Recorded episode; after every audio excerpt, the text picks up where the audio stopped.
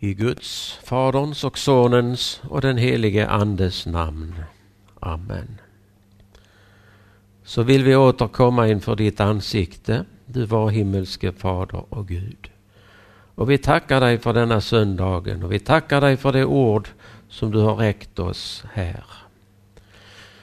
Och så ber vi att du genom din stora nåd ville öppna våra hjärtan och sinnen så att vi kan ta emot ditt ord. Vi ber att du sänder den gode helige Ande som kan inskriva orden i våra hjärtan så att det blir oss till frälsning och salighet. Jag ber dig Herre att du ville vara med och låta mig allenast vara ett språkrör i din hand. Herre, att inga människomeningar kommer utan att vi får stanna i den tryggheten att vi får säga så säger Herren. Var med oss och välsigna oss av nåd för Jesus skull. Amen. Evangelietexten är hämtad ifrån Matteus evangeliet, det 20 kapitlet, vers 1 till och med 16. Och vi läser orden i Jesu namn.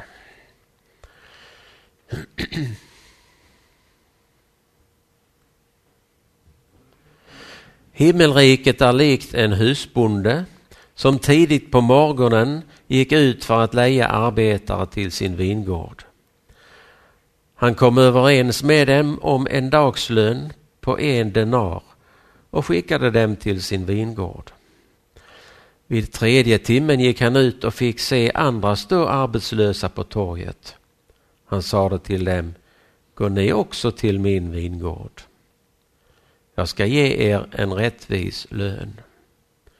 Och det gick. Vid sjätte och vid nionde timmen gick han ut igen och gjorde likadant. Också vid elfte timmen gick han ut och fann några andra stå där. Och han sade till dem, varför står ni här hela dagen arbetslösa? De svarade honom, därför att ingen har lejt oss. Han sade då till dem, gå till min vingård ni också. På kvällen sa vingårdens herre till sin förvaltare, kalla på arbetarna och ge dem deras lön, men börja med det sista och sluta med det första. De som hade blivit lejda vid elfte timmen kom då fram och fick var sin denar. När sedan det första kom trodde de att de skulle få mer. Men också det fick en denar. När de fick den klagade de på husbonden och sade Det där som kom sist har gjort en timme och du har jämställt dem med oss som har stått ut med dagens slit och hetta. Han svarade en av dem Min vän jag gör dig ingen orätt. Kom du inte överens med mig om en denar? Ta det som är ditt och gå. Men åt den siste vill jag ge lika mycket som åt dig. Får jag inte göra som jag vill med det som är mitt? Eller ser du med onda ögon på att jag är så god? Så skall det sista bli det första och det första bli det sista. Amen. Herre, helga oss i sanningen. Ditt ord är sanning. Amen.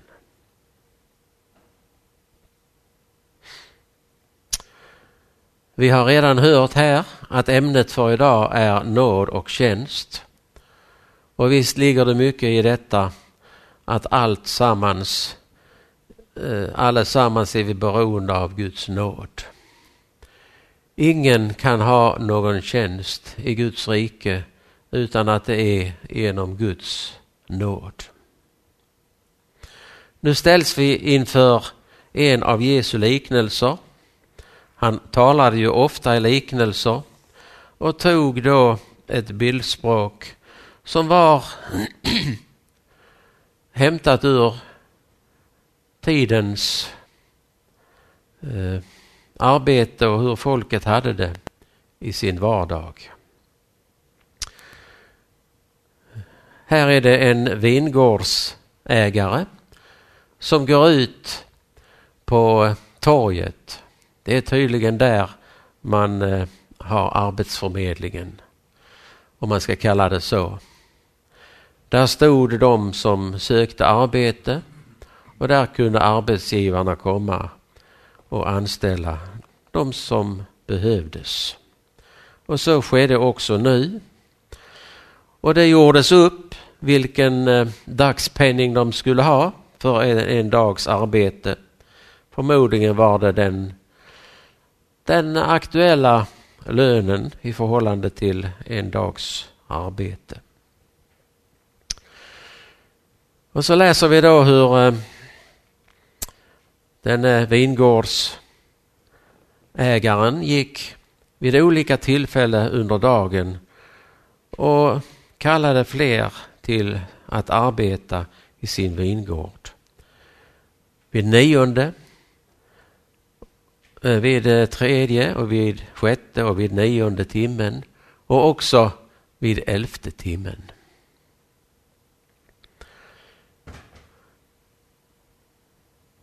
Och när vi nu läser vidare i liknelsen så ser vi då hur eh, alla, oberoende av hur länge de har arbetat, fick var sin denar, alltså lika. Och det blev också protester. Och vi, ja vi har inte svårt att förstå. Vi kan ju också tänka så.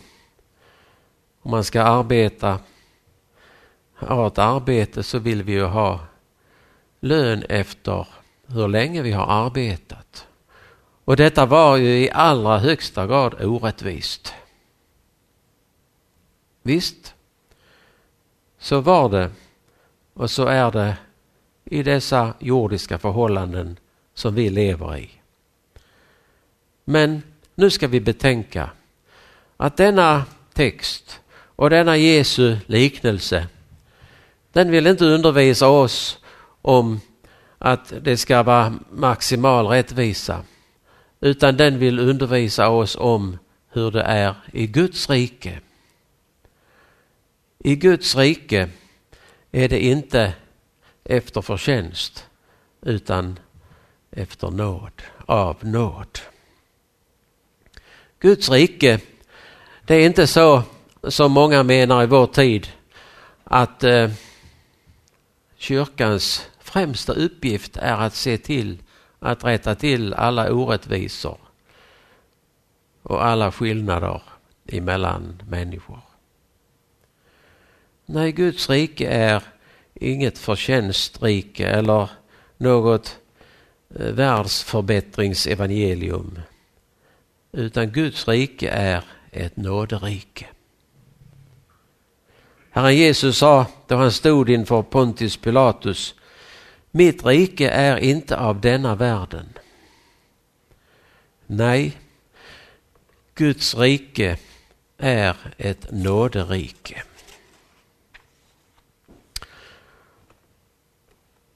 Och likaså vi nu har läst om att vingårdens ägare gick ut och eh, arbetare till sin vingård så är det också så att Gud kallar människor till sitt rike. Och det första vi ska stanna inför det är att han kallar alla. Gud kallar alla människor till att komma och vara med i hans rike. God eller ond, ogudaktig eller from, arbetsam eller lat, rik eller fattig, man eller kvinna. Här är ingen skillnad. Det är precis som det står i Romarbrevet i det tredje kapitlet. Här finns ingen skillnad. Alla har syndat och saknar härligheten från Gud. Och det står som rättfärdiga utan att ha förtjänat det av hans nåd därför att Kristus Jesus har friköpt dem. Att få vara med i Kristi rike, det är bara nåd. Och även om man får ett uppdrag och får en tjänst i Guds rike så är det också nåd och bara nåd. Och det är ingen skillnad. Gud låter kallelsen gå ut till alla människor.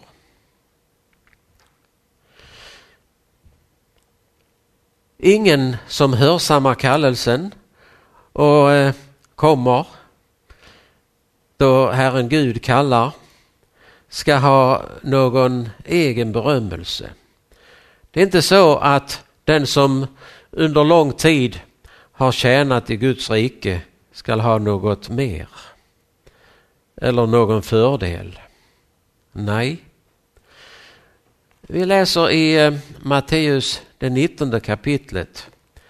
Vid det tillfället så säger Jesu lärjunge Petrus till Herren Jesus, han ställer en fråga.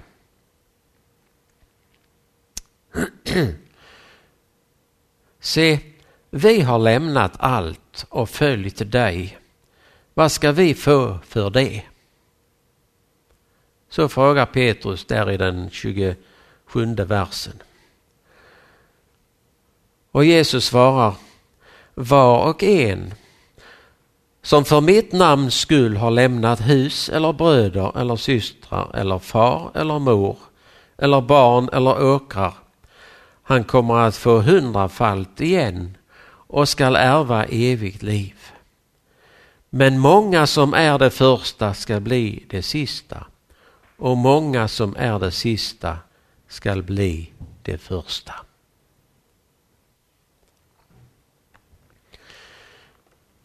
O så lätt det är att tänka som Petrus. Och så kan vi också många gånger ställa oss frågan, hur kan det bli så olika för oss människor? Den och den personen som jag känner, som har gjort så mycket gott. Varför ska han eller hon behöva drabbas av sådana prövningar? Eller kan vi vända på det och tänka, ja, jag har nog ändå arbetat mer än den eller den. Ja, då är vi inne på samma tanke som Petrus. Men vi ska ta till oss Herrens svar. Det svaret han ger, det är att var och en som lämnar allt detta jordiska och inte har det till sitt hjärtas största glädje och hopp och förtrösta på detta. En sådan skall få hundrafalt igen att följa Herren i hans rike. Ty allt är av nåd. Det ska inte bli någon skillnad på lönen hur länge eller hur kort vi har varit med eller haft tjänst. Utan den första kan bli den sista och den sista den första. Ska det bero på oss själva, då går det evigt olyckligt. Då går vi förlorade. Men vilken nåd att Herren kallar och han kallar alla. Och sen för det andra ska vi stanna inför att han kallar vid olika tillfällen. Vi hörde att han kom på morgonen och kallade. Och det var tydligen så att man arbetade 12 timmar från 6 till 6. Och när han kallade vid tredje respektive sjätte och nionde timmen så var det klockan nio på förmiddagen och klockan 12 och klockan tre. Och vid elfte timmen, det var klockan fem, då det bara var en timme kvar att arbeta. Detta lär oss att Herren Gud, han kallar oss människor. Inte bara en gång utan många gånger. Ja, alla vi som är här, vi har varit föremål för Herrens kallelse många gånger. Jag tror att de flesta av oss har haft den stora förmånen att få växa upp i ett hem där man har läst och hört Guds ord. Och vi var inte gamla när vi eh, hörde kallelsen första gången. Och så har han kommit igen och igen. Och nu är frågan till oss idag. Hur har vi ställt oss? Eh, Eh, I denna liknelse, där är det verkligen så. Det står i alla fall inget annat. Utan alla som blev erbjudna att komma till vingården, det kom också. Men vi vet också av skriften att när det gäller kallelsen till Guds rike så är det tyvärr så att många säger nej. Jesus talar i andra liknelser om detta då han säger låter budskapet gå ut kom ty allt är nu redo. Och så börjar de ursäkta sig med något som de hade för sig här i tiden, här på jorden som är så viktigt. Och så kunde de inte komma. Och frågan till oss kommer nu, hur ställer vi oss? Är det så att du och jag, vi har hörsammat kallelsen till Guds rike? Har du ännu inte gjort det? Om du kanske ännu lever i ett förhållande där det bara är en yttre vana men du har inte låtit Guds kallelse gå dig till hjärtat. Utan du fortfarande lever ditt liv eh, då du endast har detta jordiska som din största glädje och, och, och ditt hopp. Då vill Herren tala till dig på ett särskilt sätt just nu. Och så ska vi, vill han påminna oss om vad som står i Hebreerbrevet i det fjärde kapitlet. Vi läser där i eh, vers eh, 6 och 7. Det står alltså fast att somliga går in i vilan och att det som först fick höra evangeliet predikas inte kom in för sin olydnads skull. Därför bestämmer han på nytt en dag som han kallar idag. När han långt senare säger genom David vad som redan är nämnt. Idag om ni hör hans röst så förhärda inte era hjärtan. Det var alltså så att somliga går in i vilan men inte andra för sin olydnads skull. De lydde inte kallelsen. De kom inte när evangeliet erbjuds, erbjöds dem. Och så blev det för sent. De gick förlorade, de gick miste om himmel och salighet. Därför säger Herren till oss, idag om ni hör hans röst så förhärda inte era hjärtan. En sångare uttrycker det så här.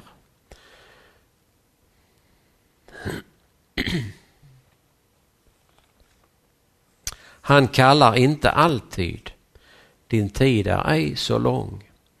Idag, idag du kallas kanske för sista gång.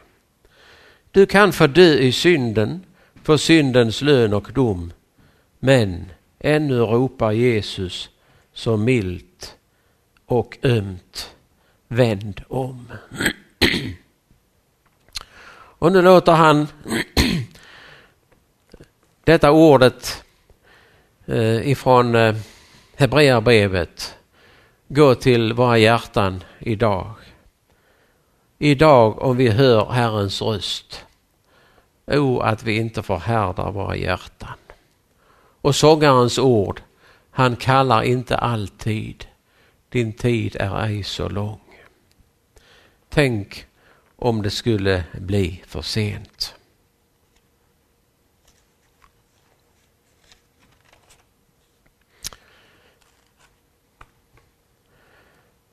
Gud har utvalt nådens väg. Han säger här till eh, arbetarna som klagade på lönen. Får jag inte göra som jag vill med det som är mitt? Eller ser du med onda ögon på att jag är så god? Så skall det sista bli det första och det första bli det sista.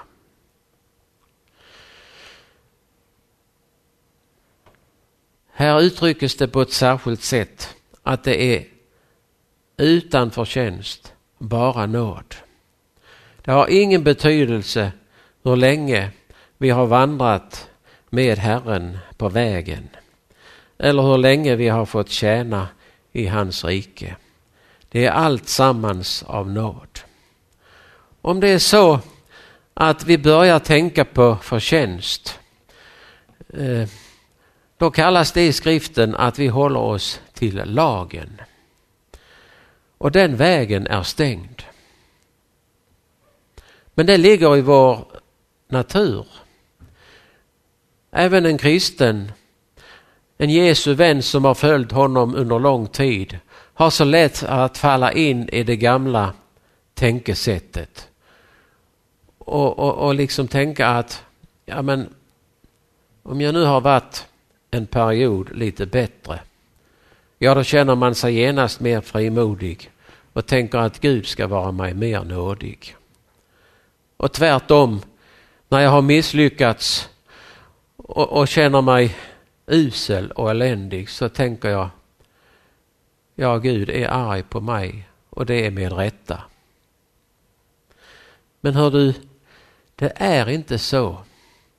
För då, då går vi tillbaks till att hålla oss till lagen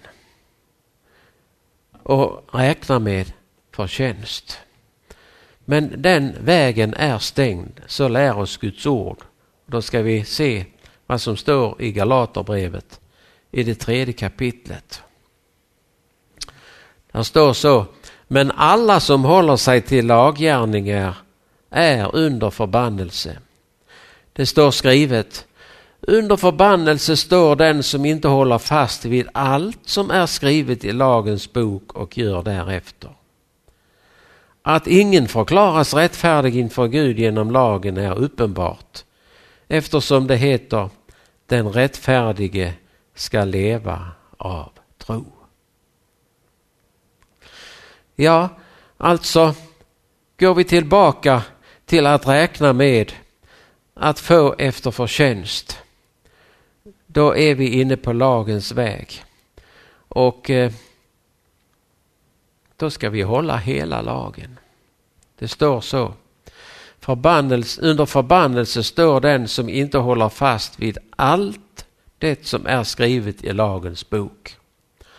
Och hur har du och jag lyckats med det? Att hålla alla Guds bud till punkt och prickar alla dagar och inte bara i gärningar utan också i tankar. O, hör du, hur är det med våra tankar och i våra hjärtan? Ja, jag måste ofta förskräckas, som en sångare uttrycker det. Ser jag på mig själv så måste jag förskräckas.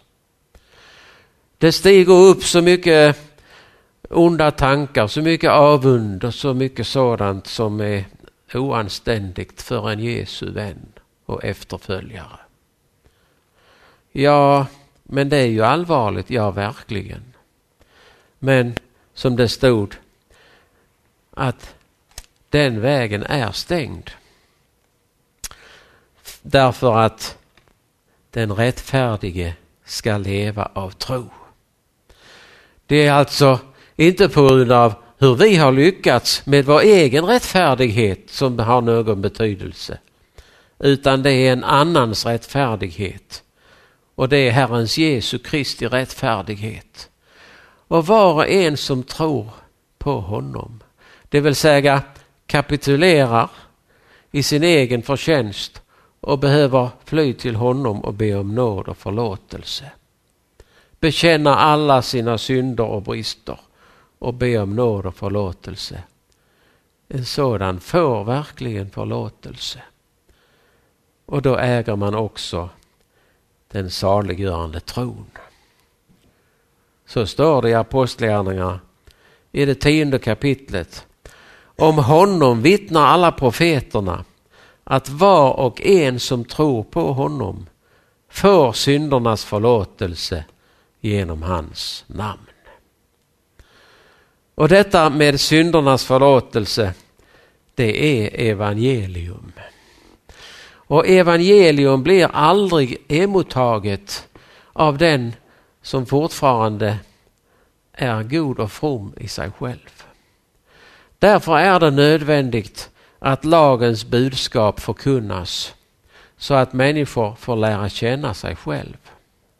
Ty lagen är inte given åt oss för att vi därigenom ska bliva frälsta. Utan det är så som det står här i Romarbrevet 3 att lagen genom lagen ges insikt om synd. Vi får komma underfund med hurdana vi är. Och tänk så väl när en arm förtappad syndare får se att Herrens Jesu Kristi rättfärdighet, den är också min av nåd och att jag får vara frälst av bara nåd. Och så står det till sist i vår text att det första, så ska det sista bli det första och det första det sista. Och det påminner väldigt mycket om vad Herren Jesus säger vid ett annat tillfälle.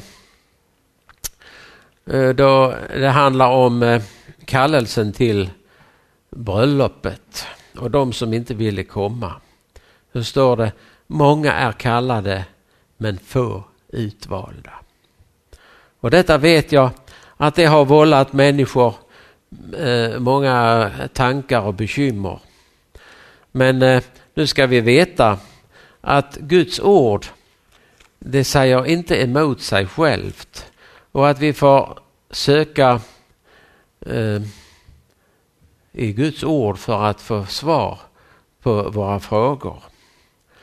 Och inför detta, om eh, den tanken att, att eh, Gud har utvalt somliga och därmed konstaterar då människor att då de han inte har utvalt, de går förlorade. Då ska vi läsa vad som står i första Timoteus andra kapitel. Där står det så. Gud vår frälsare vill att alla människor ska bli frälsta och komma till insikt om sanningen. Ty Gud är en och en är medlare mellan Gud och människor. En människa, Kristus Jesus. Han som gav sig själv till lösen i allas ställe. Ja, här står det tydligt och klart vad som är Guds vilja och vad Herren Jesus Kristus, hans utgivande och hans frälsareverk för vilka det gällde, nämligen för alla. Och eh, Jag läste i, eh, i eh, Bo Giertz förklaring där han uttrycker sig ungefär så här att eh, det är inte frågan om någonting annat än att ta emot kallelsen, hörsamma kallelsen. Då är man med ibland dem som är utvalda. De som säger nej, de får gå bort. De har tackat nej till evangeli glada budskap och får stå för sina egna gärningars handlingar inför Gud på domens dag. Det kan också uttryckas så. Om du är så att du behöver nåden i Jesus Kristus nu så hör du med till dem som är som kallas utvalda i skriften. Alltså är det så att vi idag befinner oss i nådens tid och kallelsen går ut ända till den elfte timmen. Den sista på ålderns höst kommer också kallelsen. Men ta inte det som intäkt för att det är ingen brådska. Du vet inte hur länge ditt liv varar. Inte någon av oss. Därför är det viktigt att stanna inför orden. Idag, om ni hör Herrens röst, så förhärda inte era hjärtan. Och så detta som vi läste där i Apostlagärningarna. Om honom vittnar alla profeterna att var och en som tror på honom får syndernas förlåtelse genom hans namn. Och att tro på honom, det är att behöva honom. Och så får vi vara överlämnade i hans händer och vara saliga av bara nåd. Amen. Vi tackar dig, vår himmelske Fader och Gud, för att du låter kallelsen gå ut till oss fortfarande idag, i denna yttersta tid. O Herre, vi ber dig, ta hand om oss, om våra nära och kära, våra barn och barnbarn. I denna tid som är så full av villfarelse. Det är så mycket som vill dra oss bort ifrån dig. Ja, till och med inom eh, de kristna leden där många menar sig vara i trygghet och säkerhet. Så kommer själafienden och vill vända bort fokus ifrån Kristus på något annat som blir större och viktigare. O Herre, förbarma dig över oss.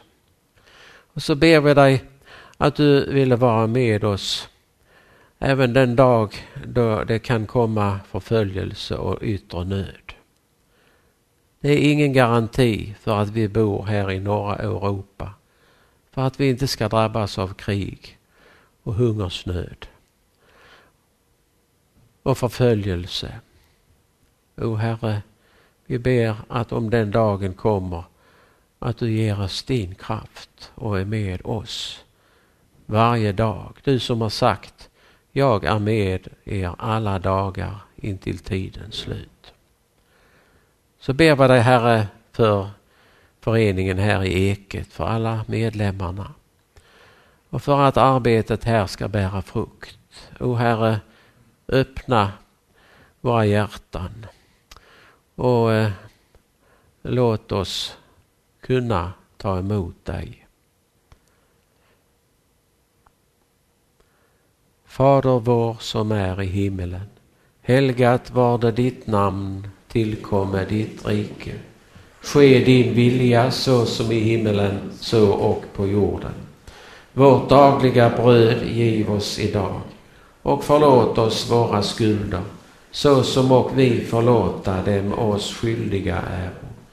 Och inled oss inte i frestelse utan fräls oss ifrån ondo.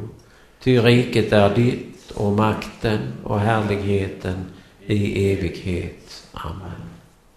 Herren välsigna oss och bevara oss. Herren låter sitt ansikte lysa över oss och vara oss nådig. Herren vände sitt ansikte till oss och give oss frid. I Guds, Faderns och Sonens och den helige Andes namn. Amen.